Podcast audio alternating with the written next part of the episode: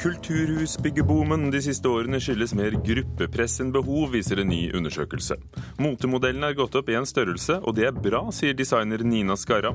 Og det finnes et eget kunstmarked for den kunsten som ingen helt vet om er ekte eller ikke. Dette er Kulturnytt i NRK P2 og Alltid nyheter. I studio Ugo Fermariello. Iveren etter å bygge kulturhus skyldes ikke behov, men at lokalpolitikerne får lyst. Det viser en ny undersøkelse fra USA. I Norge har kommunene brukt 10 milliarder kroner de siste ti årene på å bygge nye kulturhus. Mange av dem sliter fordi de ikke har planer for hvordan de skal brukes eller betales. Molde, Molde i musikk og sommer. Her, ved inngangen til plassen, kjenner jeg ei duft av kaprifol. Edvard Hoem, flankert av kulturminister Anniken Huitfeldt, åpnet lørdag det siste i rekken av nesten 40 kulturhus bygget i Norge det siste tiåret.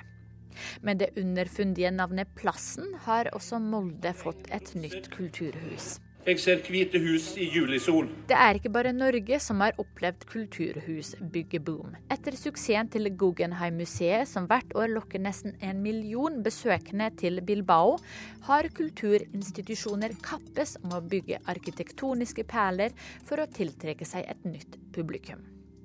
Gruppepress gjør at det bygges unødvendige hus, sier Joanne Vernkovic fra University of Chicago.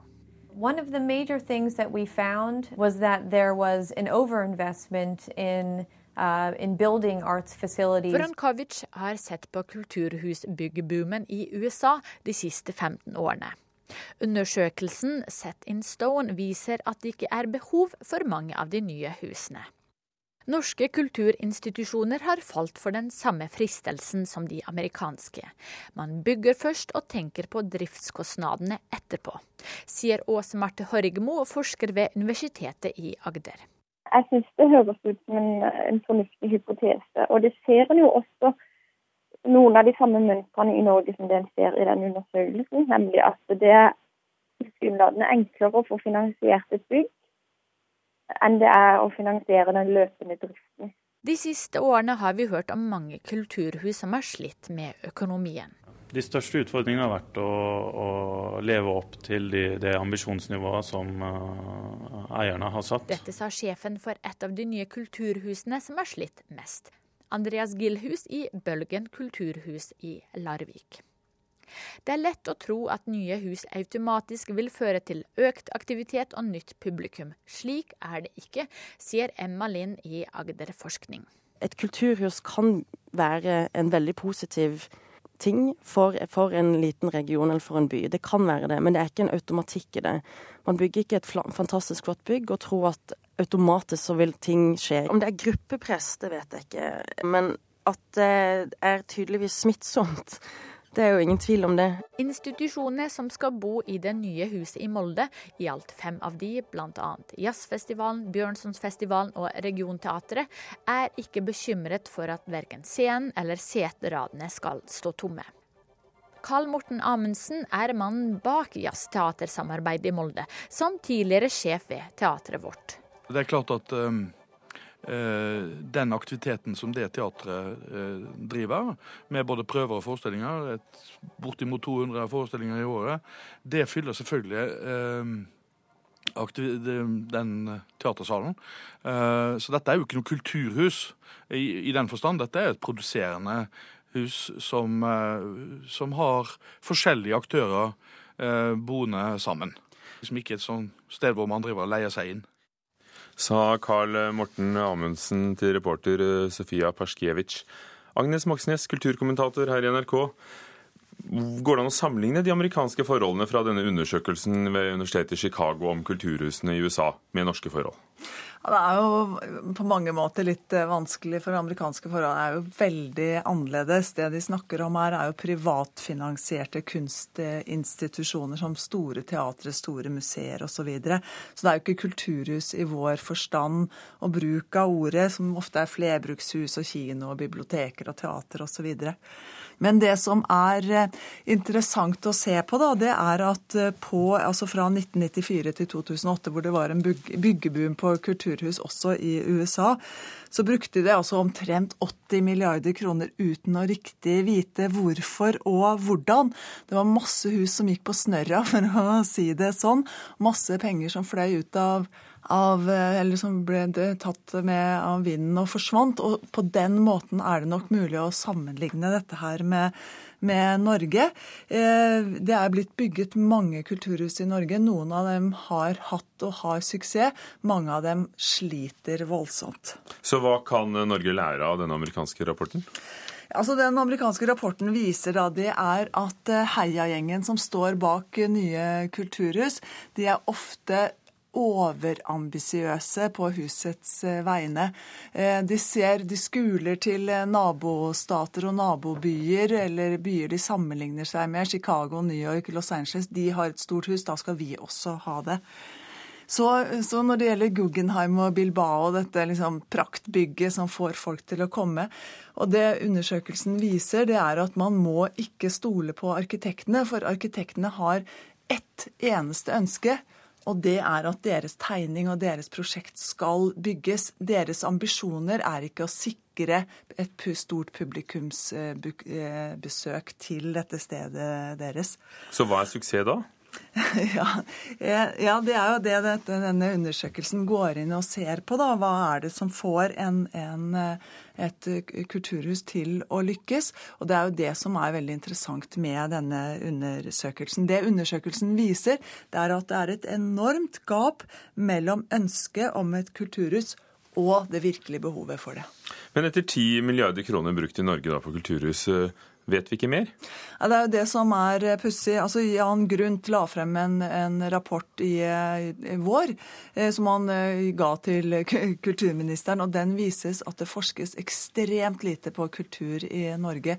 Vi bruker stadig mer penger på kultur, og vi vet egentlig ikke eh, hvordan pengene, altså hvordan det fungerer å putte store penger i. Dette er et typisk eksempel på det.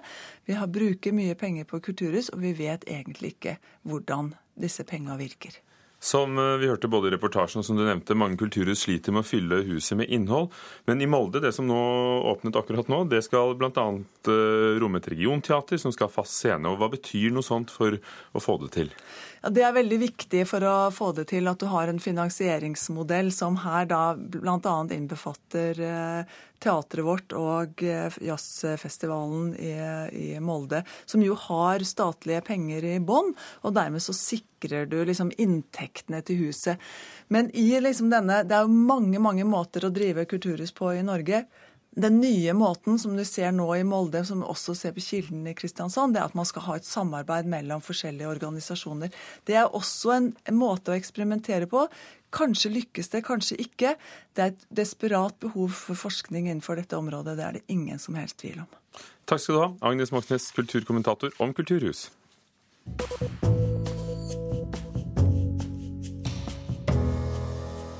Organisasjonen Blå Kors mener norsk presse skriver om alkohol for å selge aviser, og etterlyser strengere regler. I et brev til Norsk Presseforbund ønsker Blå Kors seg en paragraf om alkohol i pressens eget regelverk.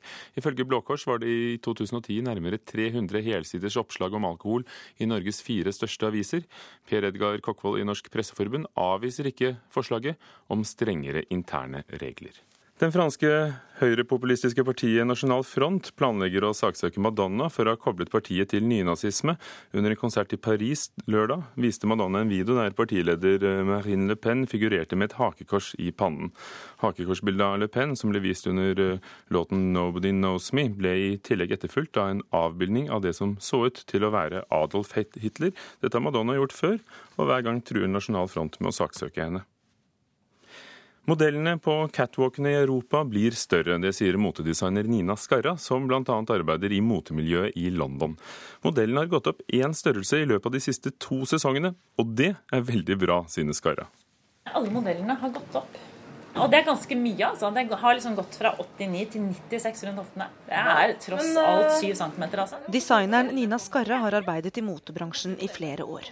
Da hun sist uke var i London og jobbet med den nye kolleksjonen sin, fikk hun seg en overraskelse. Nå så syr alle de store motehusene i London syr opp altså den nye size 8 er egentlig en tidligere size 10. Det er veldig sånn sjokkerende, egentlig. Altså sånn, På to sesonger så bare skjedde det sånn, liksom. Overraskende for designeren, men hun ser det som en svært positiv trend. En annen trend som peker mot sunnere forbilder, er stadig flere sminkefrie Hollywood-kjendiser. Den britiske avisa The Guardian skrev i helgen om skuespillere og artister som legger ut bilder eller lar seg avfotografere uten sminke. Skuespilleren Kirsten Dunst er en av dem, og da hun stilte sminkefri på et moteshow i Paris forrige uke, ble det den store snakkisen innen kjendisstoff på nettet. I Så det er litt problematisk nå fordi at New York ikke er kommet dit. For designeren Nina Skarra er den nye trenden blant modellene litt problematisk. Hun skal nemlig vise sin nye kolleksjon på moteuka i New York i september, som første nordmann der. Men der har modellene ennå ikke vokst på seg en størrelse. Skarra velger likevel å sy opp kolleksjonen sin etter den nye trenden. For hun liker utviklingen. Jeg syns det er en veldig positiv utvikling. Altså, jeg synes det er kjempefint at det liksom har kommet uh, dit at, uh, at uh, man skal ha en sunn kropp og ikke nødvendigvis liksom så skraping. Men så tror jeg også det at folk blir større. Altså, så nei, jeg syns det er veldig positivt. Sa motedesigner Nina Skarra, og det var vår korrespondent i London, Gry Blekastad Almås, som hadde truffet henne. Klokken er 16 minutter over åtte. Du hører på Nyhetsmorgen i NRK P2 Alltid nyheter. Overskriftene i dag. Langt flere enn før tar abort når de får vite at fosteret har en kromosonfeil. Det å gå til ultralydundersøkelse er blitt vanligere enn før. Og ultralydapparatene er dessuten blitt mye bedre enn de var før. Ledelsen, sa overlege ved Haukeland universitetssykehus Gunnar Hauge.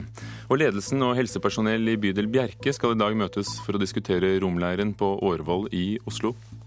Ja, da gjelder det først å få en eh, oversikt over hva vi kan gjøre og hva vi skal gjøre. Og da er det de nødvendige personene fra bydelen som møtes.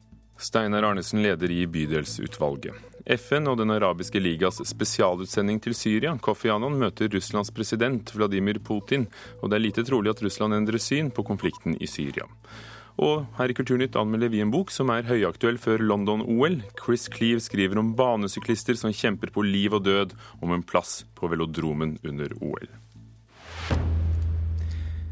I forrige uke ble en gallerist i Oslo politianmeldt for å ha solgt det Vigeland-museet mener er en falsk kopi av Sinnataggen. Galleristen selv hevder statuen er ekte. Usikkerhet rundt kunstens ekthet og opphav er ikke uvanlig. Um, og det finnes altså et tredje kunstmarked for all den kunsten som vi ikke helt vet om er ekte eller ikke, sier flere som Kulturnytt har snakket med. Bugger hadde vært en kjempesmell. Det hadde jo vært en katastrofe, i hvert fall for eh, min lommebok, om det som var en Rubens, plutselig viste seg ikke være en Rubens. Slik hadde kunstsamler Petter Snare reagert dersom forskere hadde funnet ut at hans tenkte meisterverk ikke var laga av kunstneren han trodde. Altså Hvis man har veldig dyre ting, noen forskere mener at det er, noen forskere mener at det ikke er, så gjelder det å finne den forskeren som støtter ditt syn. I kunstverden er ektheten av verka ofte usikker. Det var ikke vanlig å signere maleri før i nyere tid, og tilskrivinga til kunstnerne har mange ganger vist seg å ikke stemme. Med bedre forskningsmetoder dukker det opp flere verk der det blir sådd tvil om kunstneren bak. På ethvert museum med respekt for seg selv, altså ethvert museum av betydning, vil sannsynligvis befinne seg malerier som er uekte, eller som gir seg ut for noe annet enn det det, det, det er. Det forteller auksjonarius Hans Rikard Elgheim ved Grevedels plass auksjoner. Svært mange kunstverk er ikke endelig bestemt. Kanskje den fremste ekspertisen som finnes, ikke kan ta stilling til det. Man, det kan være, men det kan også hende at det ikke er. Altså, de havner i en kanskje-kategori. Og det, det, er den mellomkategorien som er interessant, rett og slett fordi det jo da kan tenkes at nye opplysninger kommer til, eller ny forskning, nye metoder å vurdere bilder på, som, som, rett og slett ender opp med en konklusjon i, eh, i en eller annen favør, enten som ekte eller som uekte. Utviklinga fører med seg kjøpere av verka en ikke er sikker på ektheten av, men som håper forskninga etter hvert vil slå fast at det er ekte, og dermed gir de en enorm avkastning. Men det blir òg en marknad med gode kår for kriminelle. Den andre er jo de med rett og slett uhederlige hensikter. De som da kjøper det som en angivelig, snur seg om til et annet marked, til et annet sted, til en annen kjøper, og fjerner angivelig og selger det som ekte. Og som selvsagt gjør at dette er et farlig marked i kommersiell forstand, og et, eh, og et lurvete marked med mange, dessverre, aktører som lar seg friste av det som er rett og slett kriminalitet. Og det er kjøpere med mindre kunnskap om kunst det da er lettest å lure. Det som det koker ned til, og som er problematisk, det er når kunst selges til kjøpere som ikke har noen kompetanse, som ikke har noen forutsetninger for å vurdere det man kjøper, og som blindt stoler på selgeren eller mellommannen. Det er, og vil alltid være, eh, problematisk. Snarere tror flere kunstsamlere kan føre til mer kunstsvindel av denne typen. Mitt inntrykk er at det er flere kunstkjøpere. Eh, og med flere kunstkjøpere så er det vel også flere som har noen huller i kunnskapen sin.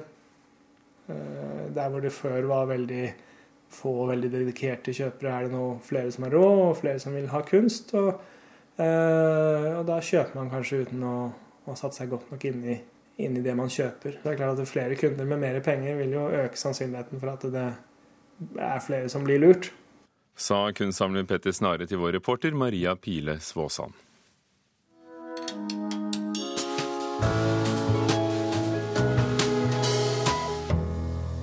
Den eh, britiske forfatteren Chris Cleave eh, brøt igjennom et brak med sin forrige roman 'Little Bee', som nå er utgitt i 32 land. Den nye romanen hans er altså spesielt aktuelt før OL. Det handler om britiske banesyklister som kjemper en kamp på liv og død om en plass på hjemmebane. Og vår anmelder Anne Katrine Straume mener forfatteren blir litt for ambisiøs i sin higen etter å vinne lesernes hjerter. Han er usedvanlig god til å skru til etiske dilemmaer og skape underholdning av det, briten Chris Cleave. Den forrige romanen hans, 'Snakkisen Little Bee', som nå skal bli film med Nicole Kidman i hovedrollen, stilte spørsmålet hva gjør en hvit, vestlig og velstående familie når den får en forfulgt krigsflyktning fra Afrika på sin egen dørstokk, bokstavelig talt? I årets roman er det hensynet til et kreftsykt barn det dreier seg om.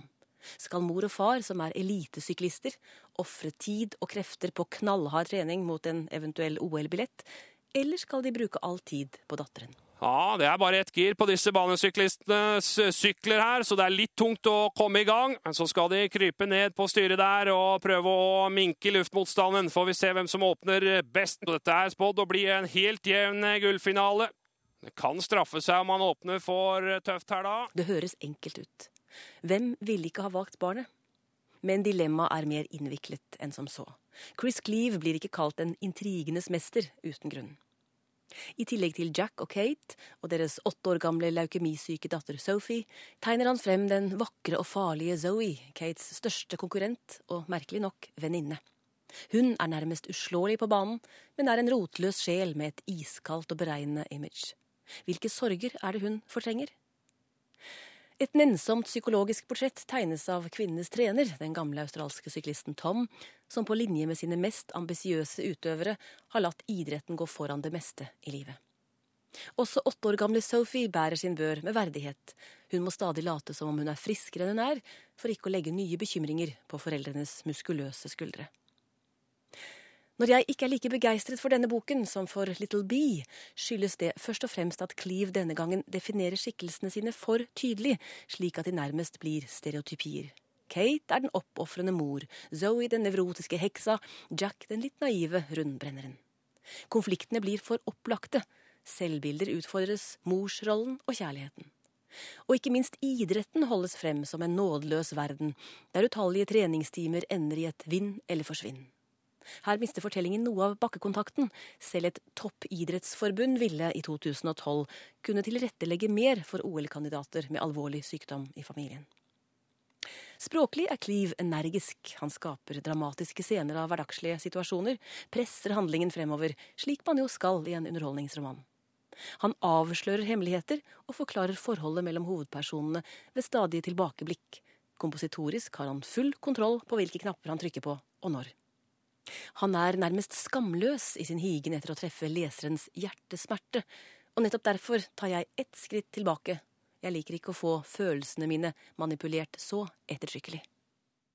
Sa Anne Katrine Straume etter å ha lest romanen 'Gull' av Chris Cleave, og som er oversatt til norsk av Morten Gaustad. Og så minner jeg om at du alltid finner litteraturanmeldelsene og intervjuer og reportasjer om litteratur på nettet. nrk.no litteratur. Denne uken starter fastemåneden ramadan for eh, verdens muslimske befolkning. og Med det er det også premiere på utallige dramaserier på arabiske TV-kanaler, som har vært kanalenes trekkplastere i mange år. En av Egypts eh, mest berømte skuespillere har hovedrollen i serien Najia Tallas lag, og 18 år gamle Salma El Mufti gleder seg til premieren.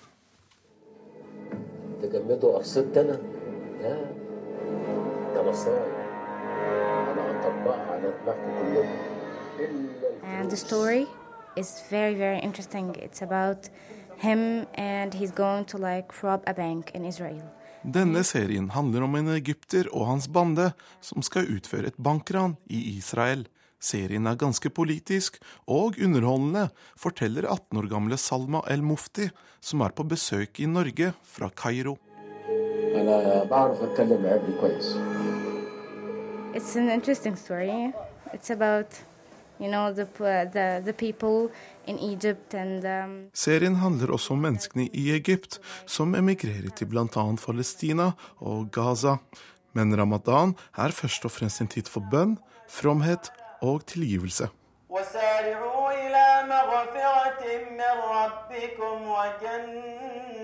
عرضها السماوات والأرض أعدت للمتقين mange muslimer tillater ikke å ha bilder av mennesker i sine hjem, siden det ikke er tillatt å avbilde Gud eller hans skaperverk. Dermed er det heller ikke lov å se på TV, mener mange muslimer. Men denne regelen praktiseres i mindre grad i dag, sier generalsekretær i Islamsk råd, Mehtab Afsar. Nei, altså Det henger jo sammen med eh, fra profetens tid, eh, hvor han da ville på en måte ville at folk skulle ha et klart bilde av hva Gud er, og ikke avdyrking, altså avgudsdyrking. Eh, og på den måten så ba han folk å avstå fra å ha skulpturer hjemme, statuer, eh, og også da bilder. Afsar sier at under ramadan-måneden så er det mange TV-serier som har mange religiøse verdier. Men TV-kanalene tilbyr også underholdning for seerne. Det vises også til religiøse eh, altså den religiøse siden av eh, i, i, disse såpeseriene eller, eller, seriene. Blant annet så vises da til eh, ja, historier hentet fra Koran, eh, fra hadith. Eh, så folk får på en måte også informasjon eh, gjennom en annen kanal enn bare av imamen i moskeen. Eh, det er på en måte også en underholdning i det, samtidig som man da får litt innblikk i islam på en annen måte. Siden den arabiske revolusjonen brøt ut, har skuespillere sine lønninger gått ned. Men hovedrolleinnehaveren i Salmas nye favorittserie er den 72 år gamle Adel Imam. Han er den best betalte skuespilleren i årets ramadanserier, og er like berømt som George Clooney, sier Salma. Is he handsome like George Clooney also? No, he's not. No. Sa Salma El Mufti til eh, vår reporter Fouad Asharki. Og ramadan starter enten førstkommende torsdag eller fredag, siden eh, muslimer følger månekalenderen. Vi tar med at uh, halvparten av befolkningen bruker landets biblioteker, og fire av ti besøkende er godt fornøyd med tilbudet der de bor, viser en undersøkelse som Sentio har laget for avisen Nasjonen. 52 svarer at de benytter seg av bibliotekene, og disse oppgjorde 42% at de er godt fornøyd med tilbudet der de bor. Samtidig svarer nesten halvparten at de aldri bruker fylkesbibliotekene der de bor. I Kulturnytt i dag har vi hørt at iveren etter å bygge kulturhus skyldes eh, ikke økt behov, men at lokalpolitikerne får lyst. Det viser en ny undersøkelse fra USA. Designer Nina Skarra gleder seg over at eh, motemodellen har gått opp én størrelse på to sesonger i London, og at det finnes et marked for den kunsten som har et uklart opphav, og som man ikke helt vet om er ekte eller ikke. Det sier eh, flere Kulturnytt har snakket med i etterkant at det i forrige uke ble politianmeldt en falsk sinnavtagen av Gustav Wigelen. Dvs. Si ekspertene mener den er falsk. Galleristen som solgte den, påstår den er ekte. I dag åpner Moldejazz. Vi skal dit i Kulturnytt i ettermiddag klokken 16.30. Denne sendingen var ved Espen Hansen, teknisk ansvarlig, Vidar Sem, produsent, og Ugo Fermariello i studio.